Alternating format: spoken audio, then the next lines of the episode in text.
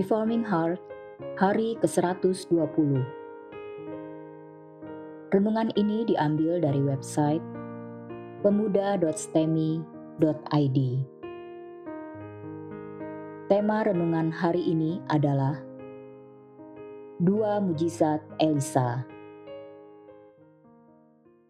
Mari kita membaca Alkitab dari Dua Raja-Raja 6, ayat pertama sampai ke-23. Demikian bunyi firman Tuhan. Kapak timbul mengapung. Pada suatu hari berkatalah rombongan nabi kepada Elisa, "Cobalah lihat, tempat tinggal kami di dekatmu ini adalah terlalu sesak bagi kami. Baiklah kami pergi ke sungai Yordan dan masing-masing mengambil satu balok dari sana, supaya kami membuat tempat tinggal untuk kami." Jawab Elisa, "Pergilah." Lalu berkatalah seorang, Silahkan, ikutlah dengan hamba-hambamu ini. Jawabnya, Baik, aku akan ikut. Maka ikutlah ia dengan mereka. Setelah mereka sampai di sungai Yordan, mereka pun menebang pohon-pohon. Dan terjadilah ketika seorang sedang menumbangkan sebatang pohon, jatuhlah mata kapaknya ke dalam air. Lalu berteriak-teriaklah ia, Wahai tuanku, itu barang pinjaman. Tetapi berkatalah abdi Allah, ke mana jatuhnya? Lalu orang itu menunjukkan tempat itu kepadanya. Kemudian Elisa memotong sepotong kayu, lalu dilemparkannya ke sana, maka timbullah mata kapak itu dibuatnya. Lalu katanya, ambillah. Orang itu mengulurkan tangannya dan mengambilnya. Tindakan Elisa dalam peperangan melawan Aram. Raja negeri Aram sedang berperang melawan Israel. Ia berunding dengan pegawai-pegawainya, lalu katanya, "Ke tempat ini dan itu haruslah kamu turun menghadang." Tetapi Abdi Allah menyuruh orang kepada Raja Israel mengatakan, "Awas, jangan lewat dari tempat itu, sebab orang Aram sudah turun menghadang ke sana." Sebab itu Raja Israel menyuruh orang-orang ke tempat yang disebutkan Abdi Allah kepadanya. Demikianlah Elisa memperingatkan kepadanya supaya berawas-awas di sana, bukan sekali dua kali saja. Lalu mengamuklah hati Raja Aram tentang hal itu, maka dipanggilnyalah pegawai-pegawainya, katanya kepada mereka, Tidakkah dapat kamu memberitahukan kepadaku siapa dari kita memihak kepada Raja Israel? Tetapi berkatalah salah seorang pegawainya, Tidak tuanku Raja, melainkan Elisa, nabi yang di Israel, Dialah yang memberitahukan kepada Raja Israel tentang perkataan yang diucapkan oleh tuanku di kamar tidurmu. Berkatalah Raja, pergilah melihat di mana dia, supaya aku menyuruh orang menangkap dia. Lalu diberitahukanlah kepadanya, dia ada di Dotan. Maka dikirimnyalah ke sana kuda serta kereta dan tentara yang besar. Sampailah mereka pada waktu malam, lalu mengepung kota itu. Ketika pelayan abdi Allah bangun pagi-pagi dan pergi keluar, maka tampaklah suatu tentara dengan kuda dan kereta ada di sekeliling kota itu. Lalu berkatalah bujangnya itu kepadanya, Celaka tuanku, apakah yang akan kita perbuat?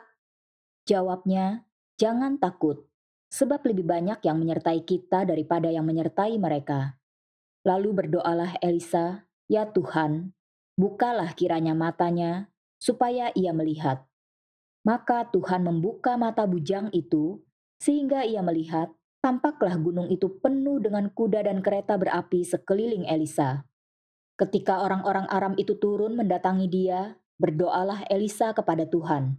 Butakanlah kiranya mata orang-orang ini.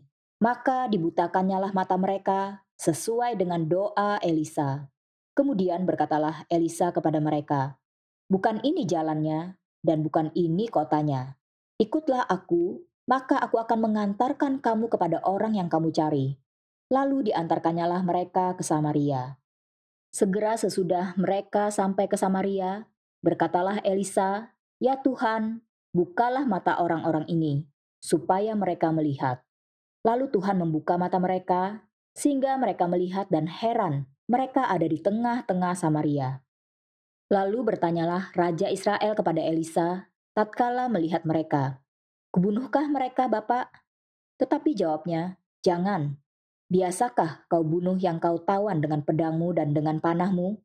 Tetapi hidangkanlah makanan dan minuman di depan mereka, supaya mereka makan dan minum, lalu pulang kepada tuan mereka. Disediakannya lah bagi mereka jamuan yang besar, maka makan dan minumlah mereka. Sesudah itu dibiarkannya lah mereka pulang kepada tuan mereka. Sejak itu, tidak ada lagi gerombolan-gerombolan Aram memasuki negeri Israel. Mari kita merenungkan bagian firman Tuhan ini. Pertama, kisah kapak yang mengapung. Mujizat pertama di dalam ayat 1-7 merupakan tanda yang dikerjakan Elisa bagi golongan nabi yang adalah orang-orang miskin. Inilah ciri khas pelayanan Elisa, yaitu melayani di tengah-tengah orang-orang miskin ini sambil juga memberikan tanda-tanda mujizat bagi para raja dan pembesar.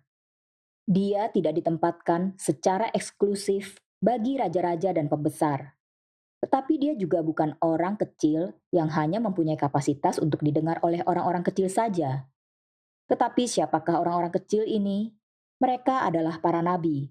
Nabi-nabi yang tidak pernah kehilangan kesetiaan kepada Tuhan, tetapi yang berada dalam keadaan hidup yang miskin. Mereka adalah kelompok minoritas di tengah-tengah Israel yang kecenderungan hatinya adalah menyembah berhala. Ayat pertama mengatakan bahwa tempat mereka tinggal sudah terlalu kecil bagi mereka. Mereka terpaksa memenuhi tempat yang terbatas untuk ditinggali banyak orang, karena mereka tidak punya tempat lagi untuk tinggal.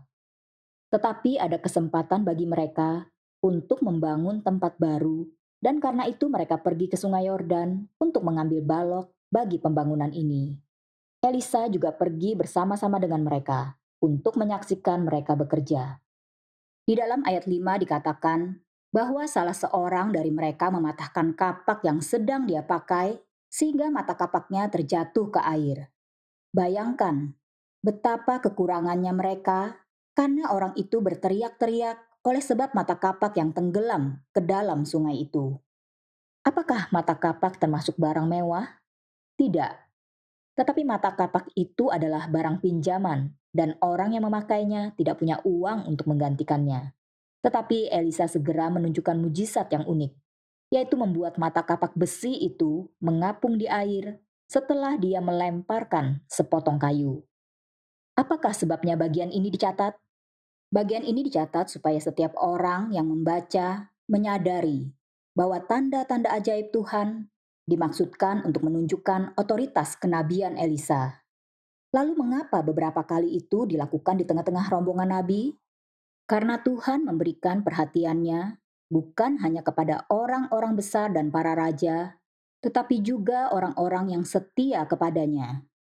Walaupun mereka bukan orang penting secara politik, tetapi Tuhan tetap menyatakan bahwa Dia berkenan untuk hadir dan memerhatikan mereka.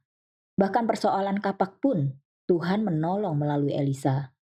Kehadiran Tuhan ini secara spesifik juga menyatakan bahwa 7.000 orang yang dikatakan akan tetap setia dan tidak sujud menyembah Baal, salah satunya adalah para nabi dalam rombongan nabi ini.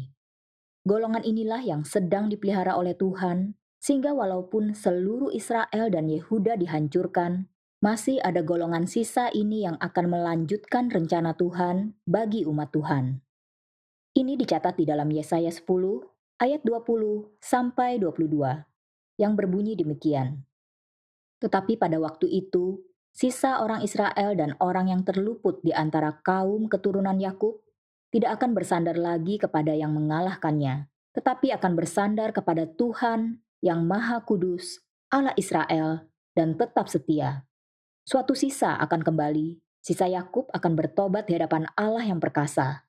Sebab sekalipun bangsamu, hai Israel, seperti pasir di laut banyaknya, namun hanya sisanya akan kembali Tuhan telah memastikan datangnya kebinasaan, dan dari situ timbul keadilan yang meluap-luap.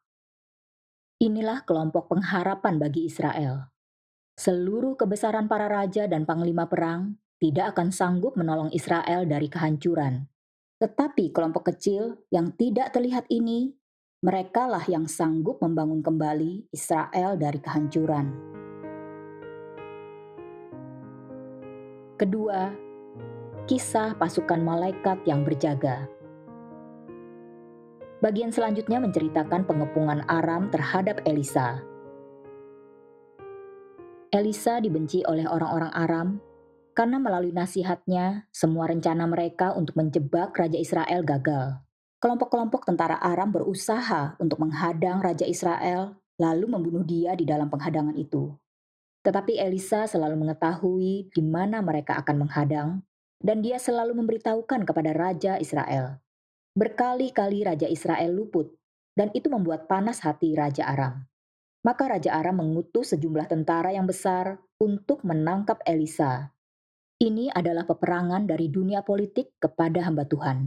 Dunia politik yang sebenarnya diberikan kepercayaan oleh Tuhan untuk menjadi wakil dari keadilan dan penghukuman Tuhan, sekarang justru mendirikan konsep keadilan sendiri yang menghancurkan konsep keadilan yang sejati. Mereka menjadi penentang Tuhan dan para hambanya. Tetapi menghadapi pemimpin-pemimpin dunia ini dengan segala kekuatan dan senjata mereka bukanlah hal yang gampang. Sangat menakutkan jika mereka telah memusuhi kita dan berusaha dengan segenap tenaga mereka untuk menghancurkan kita. Tetapi jika Tuhan di pihak kita, siapakah yang akan melawan kita? Janji firman Tuhan ini ditulis di dalam Roma 8 ayat ke-31. Ayat 15 mencatat bagaimana pelayan Elisa ketakutan ketika melihat pasukan besar tentara telah mengepung seluruh kota dan tengah bersiap untuk mencari Elisa. Orang Aram itu datang dengan pasukan yang cukup besar untuk mengepung sebuah kota tanpa benteng yang kecil. Jadi pasukan itu bukanlah pasukan Aram dengan kekuatan penuh, tetapi untuk mengurung sebuah kota kecil tak berbenteng dan menangkap satu orang, tentu kekuatan ini sudah sangat lebih dari cukup. Ayat 16 mencatat bagaimana besarnya iman Elisa. Dia dengan tenang mengatakan bahwa tentara yang menjaga dia lebih banyak daripada yang mengepung dia. Ayat ke-17 mencatat bahwa Elisa berdoa supaya pelayannya bisa melihat kekuatan tentara pelindung mereka. Ketika mata pelayan itu dibukakan, barulah dia melihat pasukan sangat besar yang sanggup memenuhi seluruh gunung itu. Bukan saja pasukan itu berjumlah jauh lebih besar daripada pasukan Aram yang mengepung mereka, tetapi pasukan itu juga mengendarai kereta kuda berapi, kendaraan yang dipinjamkan kepada Elia ketika dia terangkat ke surga. Setelah menyadarkan pembantunya tentang pasukan pelindung itu, Elisa memanjatkan doa yang berikutnya, yaitu agar tentara Aram itu dibutakan matanya. Di dalam kebutaan mereka, Elisa menuntun seluruh tentara untuk mengikuti dia dan berjalan sekitar 12 mil untuk tiba di Samaria, ibu kota Israel. Setelah tiba di tengah-tengah Samaria, Elisa berdoa kepada Tuhan agar mereka dapat melihat kembali. Setelah mengalami putus asa karena kebutaan yang Tuhan berikan, sekarang, setelah mampu melihat kembali, para tentara Aram itu jauh lebih putus asa lagi Tiba-tiba saja mereka telah berada di pusat kekuatan Israel dengan sangat banyak pasukan tentara Israel yang berjaga. Tentu saja, melihat pasukan besar tentara Aram yang tidak berdaya tengah dipimpin Elisa masuk ke tengah-tengah pusat militer Israel, para pasukan Raja Yoram segera bersiap untuk membantai tentara Aram itu seluruhnya. Tetapi sebelum mereka bertindak, Raja Yoram bertanya apakah boleh para tentara Aram itu dibunuh semua Elisa menjawab bahwa mereka bukan lagi tentara Aram dalam keadaan siap perang. Mereka sudah sama dengan tawanan yang tidak berdaya. Apakah boleh membunuh tawanan yang tidak punya kekuatan lagi? Berarti Elisa sedang menunjukkan bahwa Tuhanlah melalui Elisa yang menaklukkan para pasukan Aram itu tanpa kontak senjata. Dan Tuhan jugalah, juga melalui Elisa, yang sedang membawa mereka masuk ke Samaria sebagai tawanan perang yang telah ditaklukkan. Permintaan Elisa berikutnya di dalam ayat ke-22 lebih aneh lagi. Elisa meminta orang-orang Samaria, termasuk raja dan segenap tentara Israel, menjadi tuan rumah untuk mengadakan perjamuan besar bagi para tentara Aram itu. Mereka dijamu dengan makanan dan minuman, diterima sebagai tamu dan dilepaskan seperti tuan rumah melepas para tamu yang datang untuk pesta dan jamuan makan. Para pasukan Aram itu menjadi setia kepada Israel karena Elisa dan belas kasihan yang mereka terima dari Raja Yoram. Sejak saat itu, mereka tidak pernah lagi mau menyerang daerah Israel. Demikian besar penyertaan Tuhan bagi Israel, baik orang-orang kecil yang miskin, yaitu para golongan nabi, dan juga bagi Raja Yoram dan para pemimpin Israel. Tuhan berkuasa atas tahta kerajaan, tetapi Dia juga memperhatikan orang-orang kecil di bawah. Kiranya, sebagai orang Kristen, kita juga mengejar untuk memiliki pengaruh untuk orang-orang besar demi kemuliaan nama Tuhan, sambil terus mengingat mereka yang miskin dengan kesadaran penuh bahwa Tuhan memperhatikan mereka. Kiranya keseimbangan untuk menjangkau seluruh golongan boleh dilakukan gereja Tuhan dengan sepenuh-penuhnya.